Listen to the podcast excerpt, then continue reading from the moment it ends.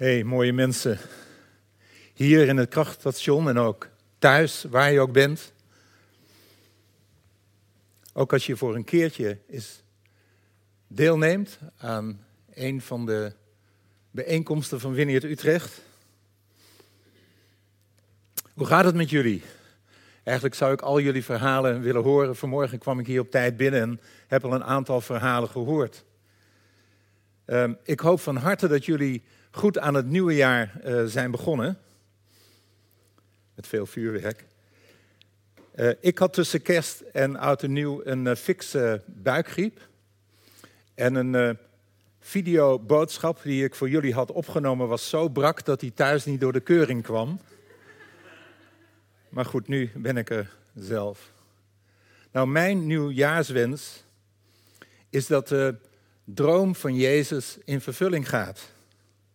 En zijn droom is en blijft om de wereld te veroveren met zijn liefde, tot iedereen hem aanbidt en lief heeft en dient. En daarom is het mijn verlangen in het nieuwe jaar 2022 om met meer aandacht te luisteren naar wat Jezus tegen mij zegt en met nog meer bereidheid en gretigheid in te gaan op wat Hij graag van me wil. De vorige keer dat ik hier in Vineyard Utrecht sprak, is alweer ruim een half jaar geleden. Dat was mei vorig jaar. Uh, waar blijft de tijd? En toen sprak ik over God kennen en liefhebben en dienen. Hem nog intiemer kennen, hem nog intenser liefhebben hem van nog dichterbij volgen. Dat was het eerste deel van onze roeping. En vandaag wil ik het graag hebben over het tweede deel van onze roeping. De ander liefhebben en dienen.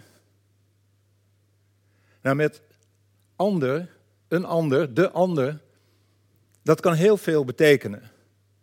Maar vanmorgen wil ik het graag met jullie hebben over de ander, niet zozeer als in elkaar hier in de gemeente, waar we elkaar ook lief hebben en dienen, maar met name de ander, de mensen om ons heen, waar Germano en Lonneke het ook over hadden.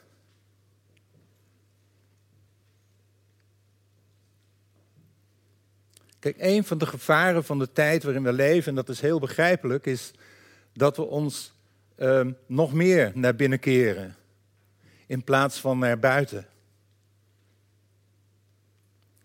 In het najaar was er een uh, expositie met uh, titel Ogenblik langs de singles uh, van de binnenstad van Utrecht.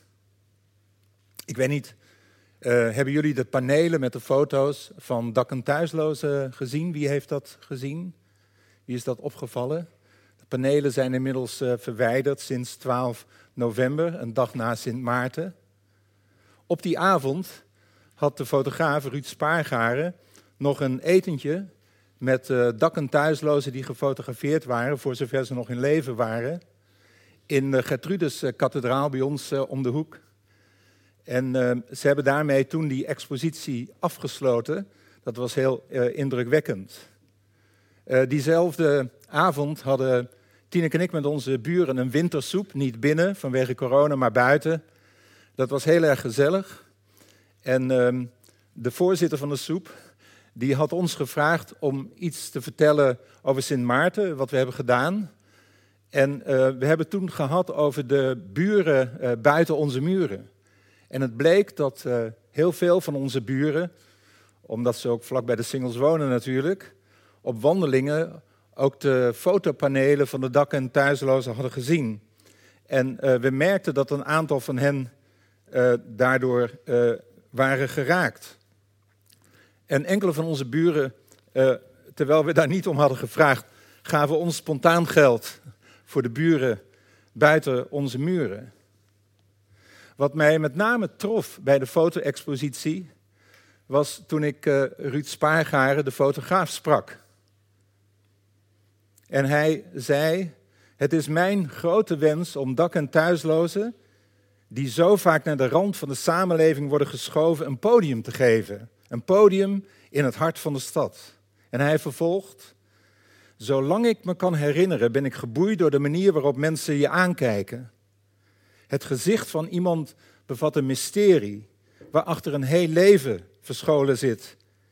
En iets van dat gezichtsleven, zoals ik dat noem, probeer ik te vangen met mijn lens. En soms lukt dat en soms ook niet.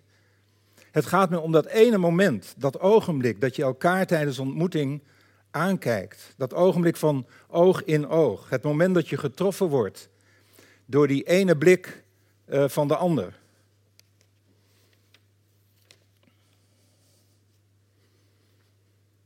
Ik besef heel goed dat ik op een plek woon waar ik met mijn neus op de feiten word gedrukt. Als het gaat om onze vrienden van de straat. Ook ben ik mij van bewust dat ik er heb voor gekozen om bij hen betrokken te zijn. En bovendien kon ik niet om de expositie heen. Het pad van mijn dagelijkse wandeling voert langs de singles. Oorspronkelijk was het idee geweest om de expositie in de Dom te houden binnen, maar door corona was besloten om het naar buiten te brengen. Uh, achteraf een briljant idee, zodat niet alleen de bezoekers van de Dom, de kerkgangers daar en toeristen die daar komen, de foto's van onze vrienden van de straat konden zien, maar iedereen die langs de singles wandelde, uh, of dat nu dagelijks is of een keertje met een uh, Nederlandse spoorwegenwandeling of toevallig.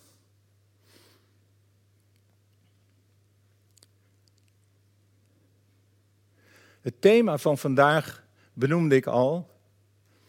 De ander als in de mensen om ons heen liefhebben en dienen. En de vraag waar het dan vanmorgen om draait is, uh, wie zien we over het hoofd?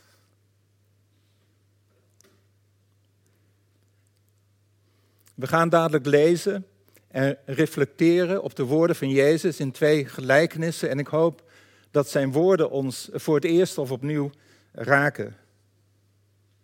En wat we in de gelijkenissen willen gaan zien, dat is door Jezus lief te hebben en te dienen in de ander, wij Hem dienen. En ook uh, te beseffen dat onze woorden en daden in ons dagelijks leven um, het leven in de eeuwigheid vormen. Dus eerst door Jezus te zien en te dienen, lief te hebben in de ander. De gelijkenis die ik graag wil lezen is de gelijkenis van Jezus over de schapen en de bokken in Matthäus 25, vers 31 tot 46 in de NBV 21. Even vooraf nog, deze gelijkenis werd door Jezus uh, verteld op een bijzondere plek in het Evangelie. Hoofdstuk 25 bevat drie gelijkenissen, die van de vijf wijze en vijf dwaze maagden, de gelijkenis van de talenten en ook onze gelijkenis van vanmorgen. Over redding en oordeel, over de schapen en de bokken. En het hoofdstuk daarvoor is een indringende reden van Jezus over de eindtijd, die uitloopt op zijn terugkeer. En het hoofdstuk daarna begint met de zalving en de aankondiging van zijn dood en zijn begrafenis. En deze gebeurtenissen, voor en na de gelijkenis die wij lezen, geven de gelijkenis heel veel urgentie. Daar komt hij. Wanneer de mensenzoon komt, omstraald door luister en in gezelschap van alle engelen, zal hij plaatsnemen op zijn glorierijke troon. Dan zullen alle volken voor hem worden samengebracht en hij zal hij de mensen van elkaar scheiden, zoals een herder de schapen van de bokken scheidt. De schapen zal hij rechts van zich plaatsen en de bokken links. Dan zal de koning tegen de groep aan zijn rechterzijde zeggen: Jullie zijn door mijn vader gezegend. Kom, neem deel aan het koninkrijk dat sinds de grondlegging van de wereld voor jullie bestemd is. Want ik had honger en jullie gaven mij te eten. Ik had dorst en jullie gaven mij te drinken. Ik was een vreemdeling en jullie namen mij op. Ik was naakt en jullie kleden mij. Ik was ziek en jullie bezochten mij en ik zat gevangen en jullie kwamen naar mij toe. Dan zullen de rechtvaardigen hem antwoorden: Heer, Wanneer hebben wij u hongerig gezien en u eten gegeven? of dorstig en u te drinken gegeven? Wanneer hebben wij u als vreemdeling gezien?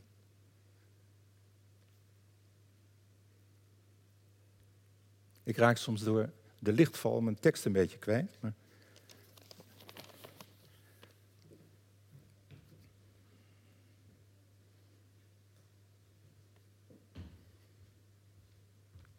En wanneer hebben we uh, gezien dat u ziek was of in de gevangenis zat en zijn we naar u toegekomen? En de koning zal hun antwoorden, ik verzeker jullie, alles wat jullie hebben gedaan voor een van de geringste van mijn broeders of zusters, dat hebben jullie voor mij gedaan. Daarop zal hij ook de groep aan zijn linkerzijde toespreken, jullie zijn vervloekt, verdwijnen uit mijn ogen het eeuwige vuur dat bestemd is voor de duivel en zijn engelen. Want ik had honger, jullie gaven me niet te eten, ik had dorst en jullie gaven me niet te drinken. Ik was een vreemdeling en jullie namen me niet op. Ik was naakt en jullie kleden me niet. Ik was ziek en zat in de gevangenis en jullie bezochten mij niet. Dan zullen ook zij antwoorden: Heer, wanneer hebben wij u hongerig gezien of dorstig als vreemdeling of naakt, ziek of in de gevangenis en hebben wij niet voor u gezorgd? En hij zal hun antwoorden: Ik verzeker jullie, alles wat jullie voor een van deze geringste mensen niet gedaan hebben, hebben jullie ook voor mij niet gedaan. Hun staat eeuwige bestraffing te wachten, de rechtvaardige daarentegen het eeuwige leven. Tot zover de woorden van Jezus in deze gelijkenis. Nou, deze woorden van Jezus als koning bij zijn terugkeer kunnen nogal hard en confronterend overkomen. Vooral op ons 21ste eeuwse mensen. Maar het zijn woorden van genade van Jezus om ons te waarschuwen, om ons uit te nodigen, Hem te zien in de ander en hen lief te hebben en te dienen. Door voor hen te zorgen, uh, eten, drinken, kleding, onderdak en bezoek bij ziekte en gevangenschap. Ik noem dat wel de Big Five. Is zo mooi voorgeleefd in onze mooie stad door Willibrord ooit de apostel van de Lage Landen, en afgebeeld op de bronzen deuren van de Domkerk. Met daarbij ook nog het begraven van de doden, van de mensen die uh, daar geen geld voor hadden. Het zesde werk van barmhartigheid. Dus in feite is het een Big Six. Vaak gaan wij ervan uit eh, dat de overheid en allerlei organisaties wel voor de armen zorgen. En dat gebeurt ook.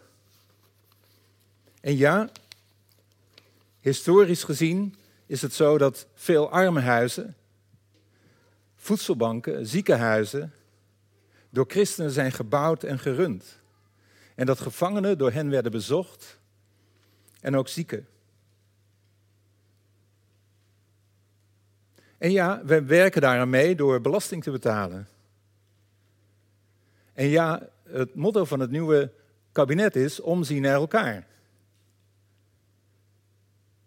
En ja, er is een speciale minister voor armoedebeleid. Maar met al het goede wat er al wordt gedaan, wil Jezus ons persoonlijk blijven betrekken. Hij wil dat wij Hem blijven zien en liefhebben en dienen in de mensen om ons heen. Waarom? Omdat we dan Hem zien en voor Hem zorgen. Als wij de mensen om ons heen niet zien, niet liefhebben en niet dienen, hebben wij Hem niet lief en dienen wij Hem niet en hebben wij, zien wij Hem over het hoofd. En Jezus is daar heel duidelijk over in Matthäus 25 met eeuwige gevolgen. Het is het verschil tussen zonde en vergeving, tussen redding en oordeel. De twee kanten van het koninkrijk, redding en oordeel. We zijn een schaap als we Jezus in de ander zien en hen liefhebben en dienen. En we zijn een bok als we Jezus niet in de ander zien en niet liefhebben en dienen. Ieder mens die we ontmoeten is een beelddrager van God. En die waarde mag door ons worden herkend. En ons laten reageren. Nou, de vraag is dus wie wij over het hoofd zien. we zagen al dat we Jezus over het hoofd kunnen zien.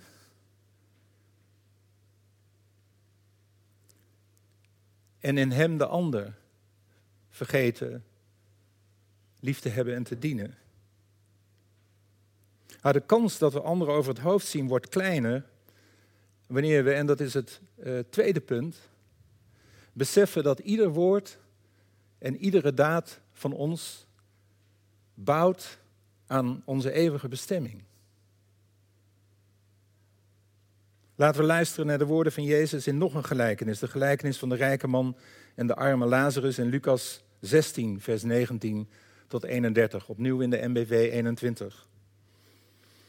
Er was eens een rijke man die gewoon was zich te kleden in purperen gewaden en fijn linnen en die dagelijks uitbundig feest vierde. Een bedelaar die Lazarus heette lag voor de poort van zijn huis overdekt met zweren. Hij hoopte zijn maag te kunnen vullen met wat er overschoot van de tafel van de rijke man, maar er kwamen alleen honden aanlopen die zijn zweren likten. Op zekere dag stierf de bedelaar en werd door de engelen weggedragen om aan Abrahams hart te rusten. Ook de rijke stierf en werd begraven. En toen hij in het dodenrijk, waar hij hevig gekweld werd, zijn ogen opsloeg, zag hij in de verte Abraham met Lazarus aan zijn zijde. Hij riep, vader Abraham, heb medelijden met mij en stuur Lazarus naar me toe. Laat hem het topje van zijn vinger in water dopen om mijn tong te verkoelen, want ik lijd pijn in de vlammen. Maar Abraham zei, kind, bedenk wel dat jij je deel van het goede altijd in je leven hebt ontvangen, terwijl Lazarus niets dan ongeluk heeft gekend.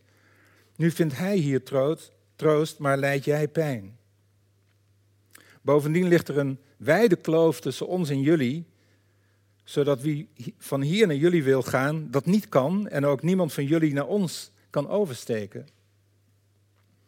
Toen zei de rijke man, dan smeek ik u, vader, dat u hem naar het huis van mijn vader stuurt, want ik heb nog vijf broers. Hij kan hen dan waarschuwen, zodat ze niet net als ik in dit oord van martelingen terechtkomen.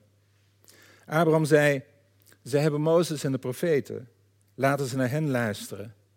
De rijke man zei, Nee, vader Abraham, maar als iemand van de doden naar hen toe komt, zullen ze tot één keer komen. Maar Abraham zei, als ze niet naar Mozes en de profeten luisteren, zullen ze zich ook niet laten overtuigen door iemand die uit de doden opstaat.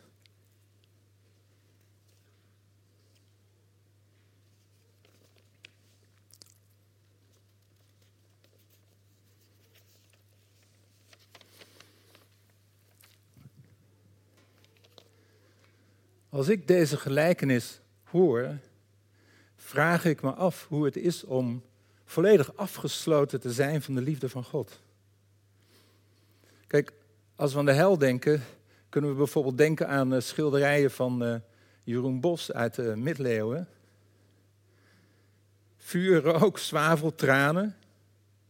Maar wat mij recent heeft geholpen, is een plaatje van de hel als tegenovergestelde van de hemel. Voor een plaatje van de hemel denk ik dan aan wat Paulus zegt in Efeze 3, vers 18 tot 19. Dat we in staat zijn om de breedte en de lengte en de hoogte en de diepte te bevatten van de liefde van Christus. En zijn liefde te ervaren die alle verstand te boven gaat. Het tegenovergestelde van de hemel, van deze hemel, is de breedte en de lengte en de hoogte en de diepte van de hel. De wanhoop van een leeg kruis zonder Jezus. Een lege wereld zonder God. De totale leegte van leven zonder doel. Een omgeving zonder liefde, doordrongen met haat en zelfgerichtheid, levend de dood. In deze tweede gelijkenis uh, vertelt Jezus over ons dagelijks leven. Hij legt uit dat wij hier en nu onze eeuwige bestemming vormen voor dan en daar. En als het zo ligt, uh, waarom zouden we dan een dag uh, gewoon noemen? Iedere keer dat de rijke man langs de arme Lazarus wandelt en hem negeert, bouwt hij aan de hel. En iedere keer dat Lazarus weigert om verbitterd te raken door zijn armoede, bouwt hij een huis in de hemel. Iedere stap in hun leven is bestemming. Is het je opgevallen dat de rijke niet met naam wordt genoemd? Hij is, hij is als het ware anoniem. Terwijl Lazarus, de arme, een naam krijgt. Hij wordt gekend door God. De eeuwigheid is niet iets wat pas begint als we sterven. De eeuwigheid is verweven in ieder woord, iedere daad van ons dagelijks leven. Zowel de hemel als de hel hebben hun wortels in het hier en nu.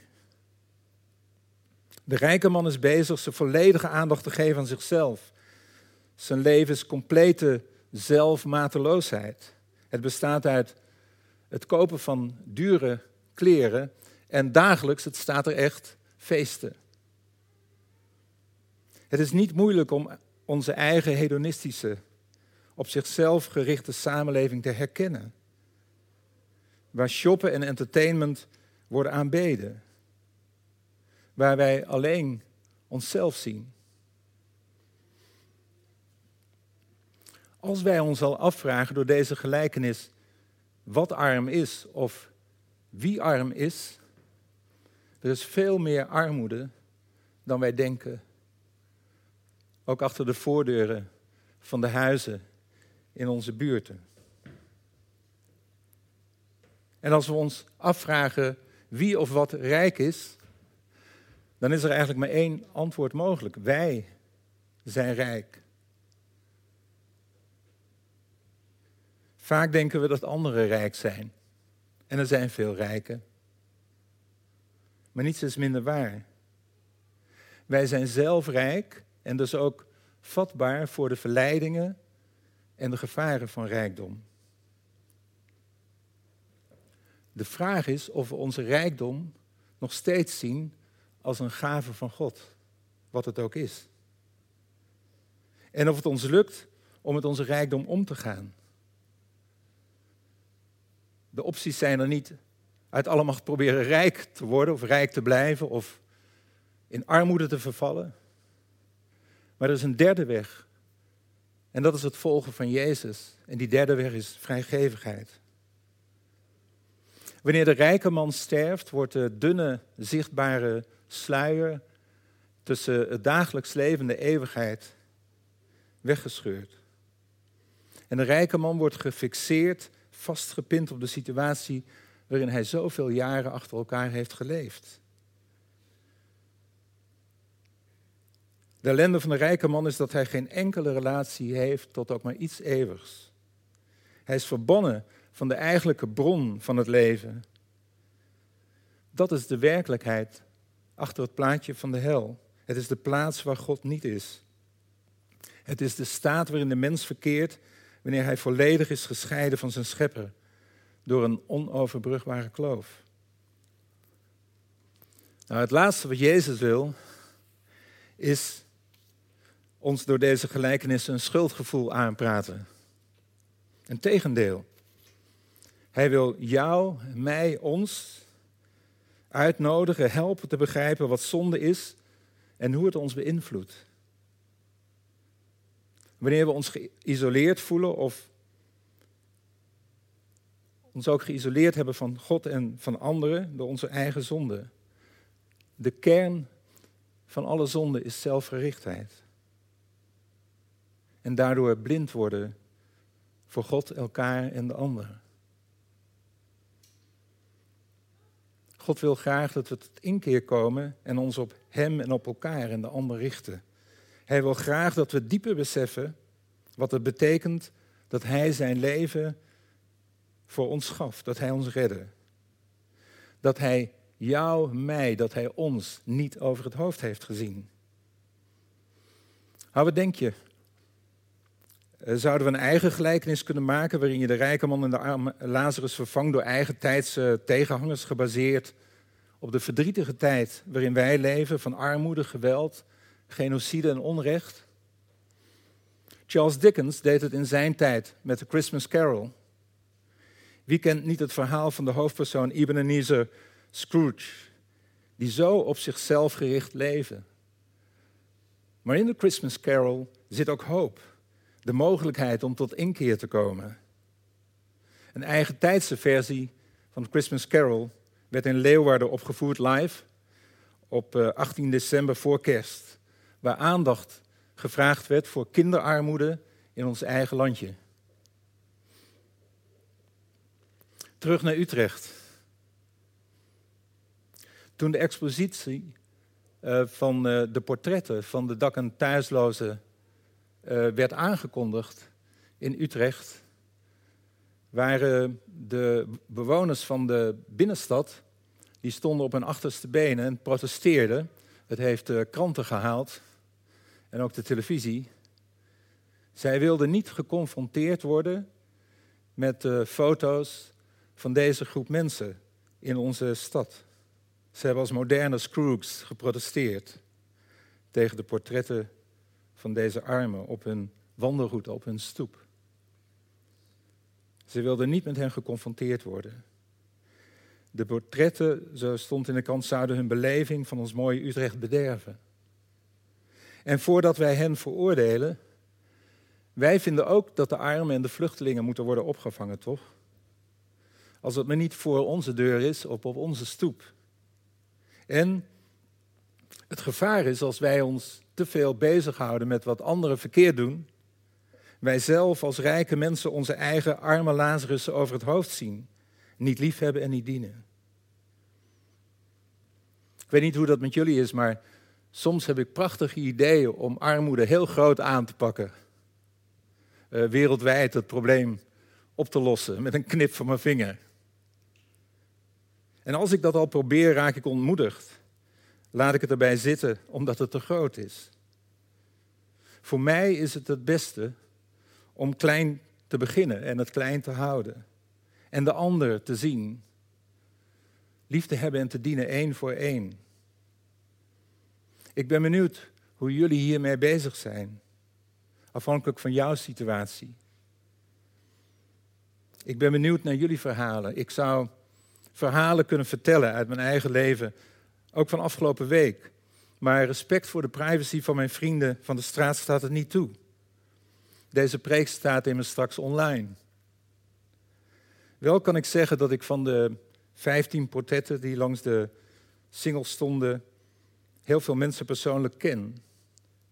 Of als ze zijn overleden, gekend heb.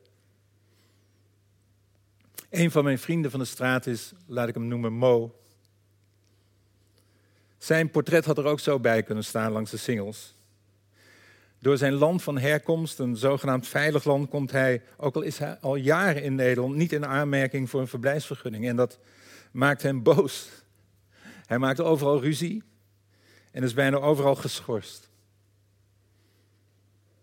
Hij vroeg mij om met hem mee te gaan naar de kleermaker daar had hij een jas gebracht om te repareren. En hij wilde dan dat ik de reparatie betaalde. En ik uh, reageerde um, door te zeggen dat ik er even over moest nadenken. En dat had te maken met het feit dat hij bekend staat als meneertje nooit genoeg. Als je hem iets geeft, uh, vraagt hij gelijk ook het volgende en daarna het volgende. Zo weinig heeft hij. Ik had met hem afgesproken bij de kleermaker net voor sluitingstijd. Hij kwam te laat. Maar gelukkig had ik zijn jas al gehaald. Ik kreeg hem mee en de reparatie betaald. Het was een chique jas. Die iemand anders had afgedankt. Omdat er een scheur in zat. Ik wachtte buiten. En Mo was blij. En zoals hij zijn er zoveel. Mensen die we mogen leren zien en liefhebben en dienen. Dat betekent niet dat het altijd gemakkelijk is. Ik ben dat nog steeds aan het leren. Zo heb ik moeten leren dat ik soms bedonderbaar ben en dat niet erg te vinden. Een van de manieren die ik heb ontdekt is uh, een soort van altijd paraat te zijn door een uh, Albert Heijn kaartje. Ja, de Jumbo heeft ze niet. Uh, bij me te hebben. Kijk, hij zit hier nu in een prachtige cadeauverpakking. Wat ik dan doe, is ik haal het, uh, het, het, het, kaartje eruit en ik uh, verwijder de lijm. En uh, dan schrijf ik daarachter op het bedrag wat ik erop heb laten zetten. Je kunt kiezen uit bedragen tussen 5 euro en 150 euro. En het mooie daarvan is dat je het aan iemand kunt geven die bijvoorbeeld om geld vraagt. En je weet, vaak is het niet een goed idee om iemand contant geld te geven. Maar om nou altijd nee te zeggen, en dan uh, kun je vragen, uh, zou, zou dit je helpen? Je moet ook nog uitkijken om te zeggen, hier is het. Een vraag stellen. En uh, het mooie is dat mensen daardoor ook een stuk waardigheid terugkrijgen, omdat ze met hun pasje dat dan van hen is, hun eigen pasje, zelf boodschappen kunnen doen bij Albert Heijn. In plaats van wat boodschappen van mij krijgen waar ze misschien liever iets anders hadden gehad.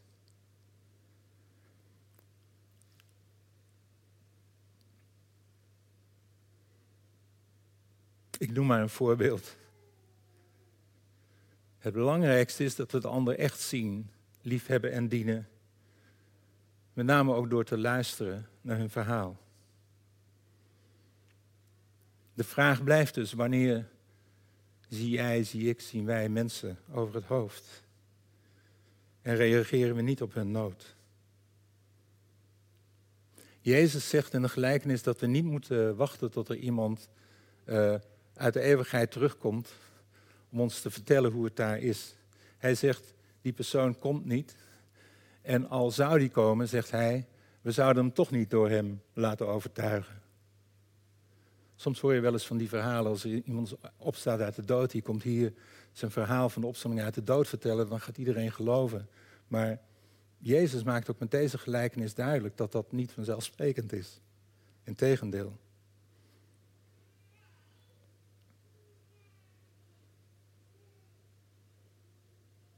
Jezus kon toen zeggen, ja, ze hebben de woorden van Mozes en de profeten en dat is meer dan genoeg. Wij hebben niet alleen de woorden van Mozes en de profeten, maar ook van de grootste profeet van allemaal, van Jezus zelf. Laten we samenvatten.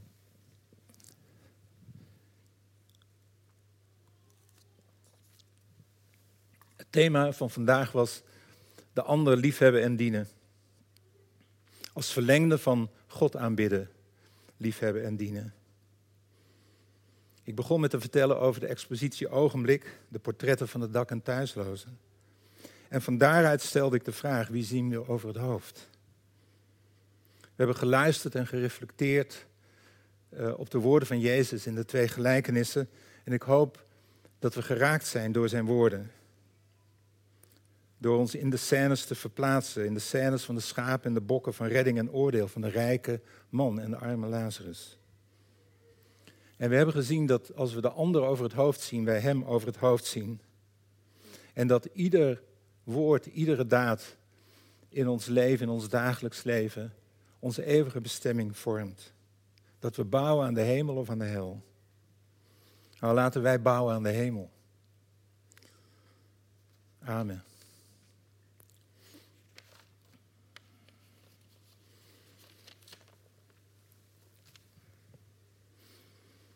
Zullen we staan?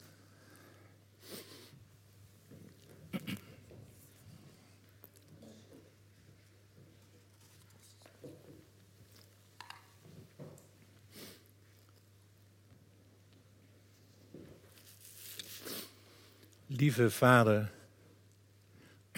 we vragen u vergeving waar we anderen over het hoofd hebben gezien. En we bidden voor een oprechte dankbaarheid voor de rijkdom die u ons geeft. Help ons om vrijgevig te zijn. En help ons om te beseffen dat ieder woord, iedere daad bouwt aan onze eeuwige bestemming.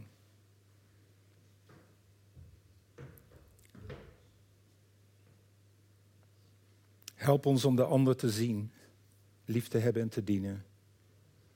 Daar waar ieder van ons woont en werkt en wandelt en winkelt. Amen.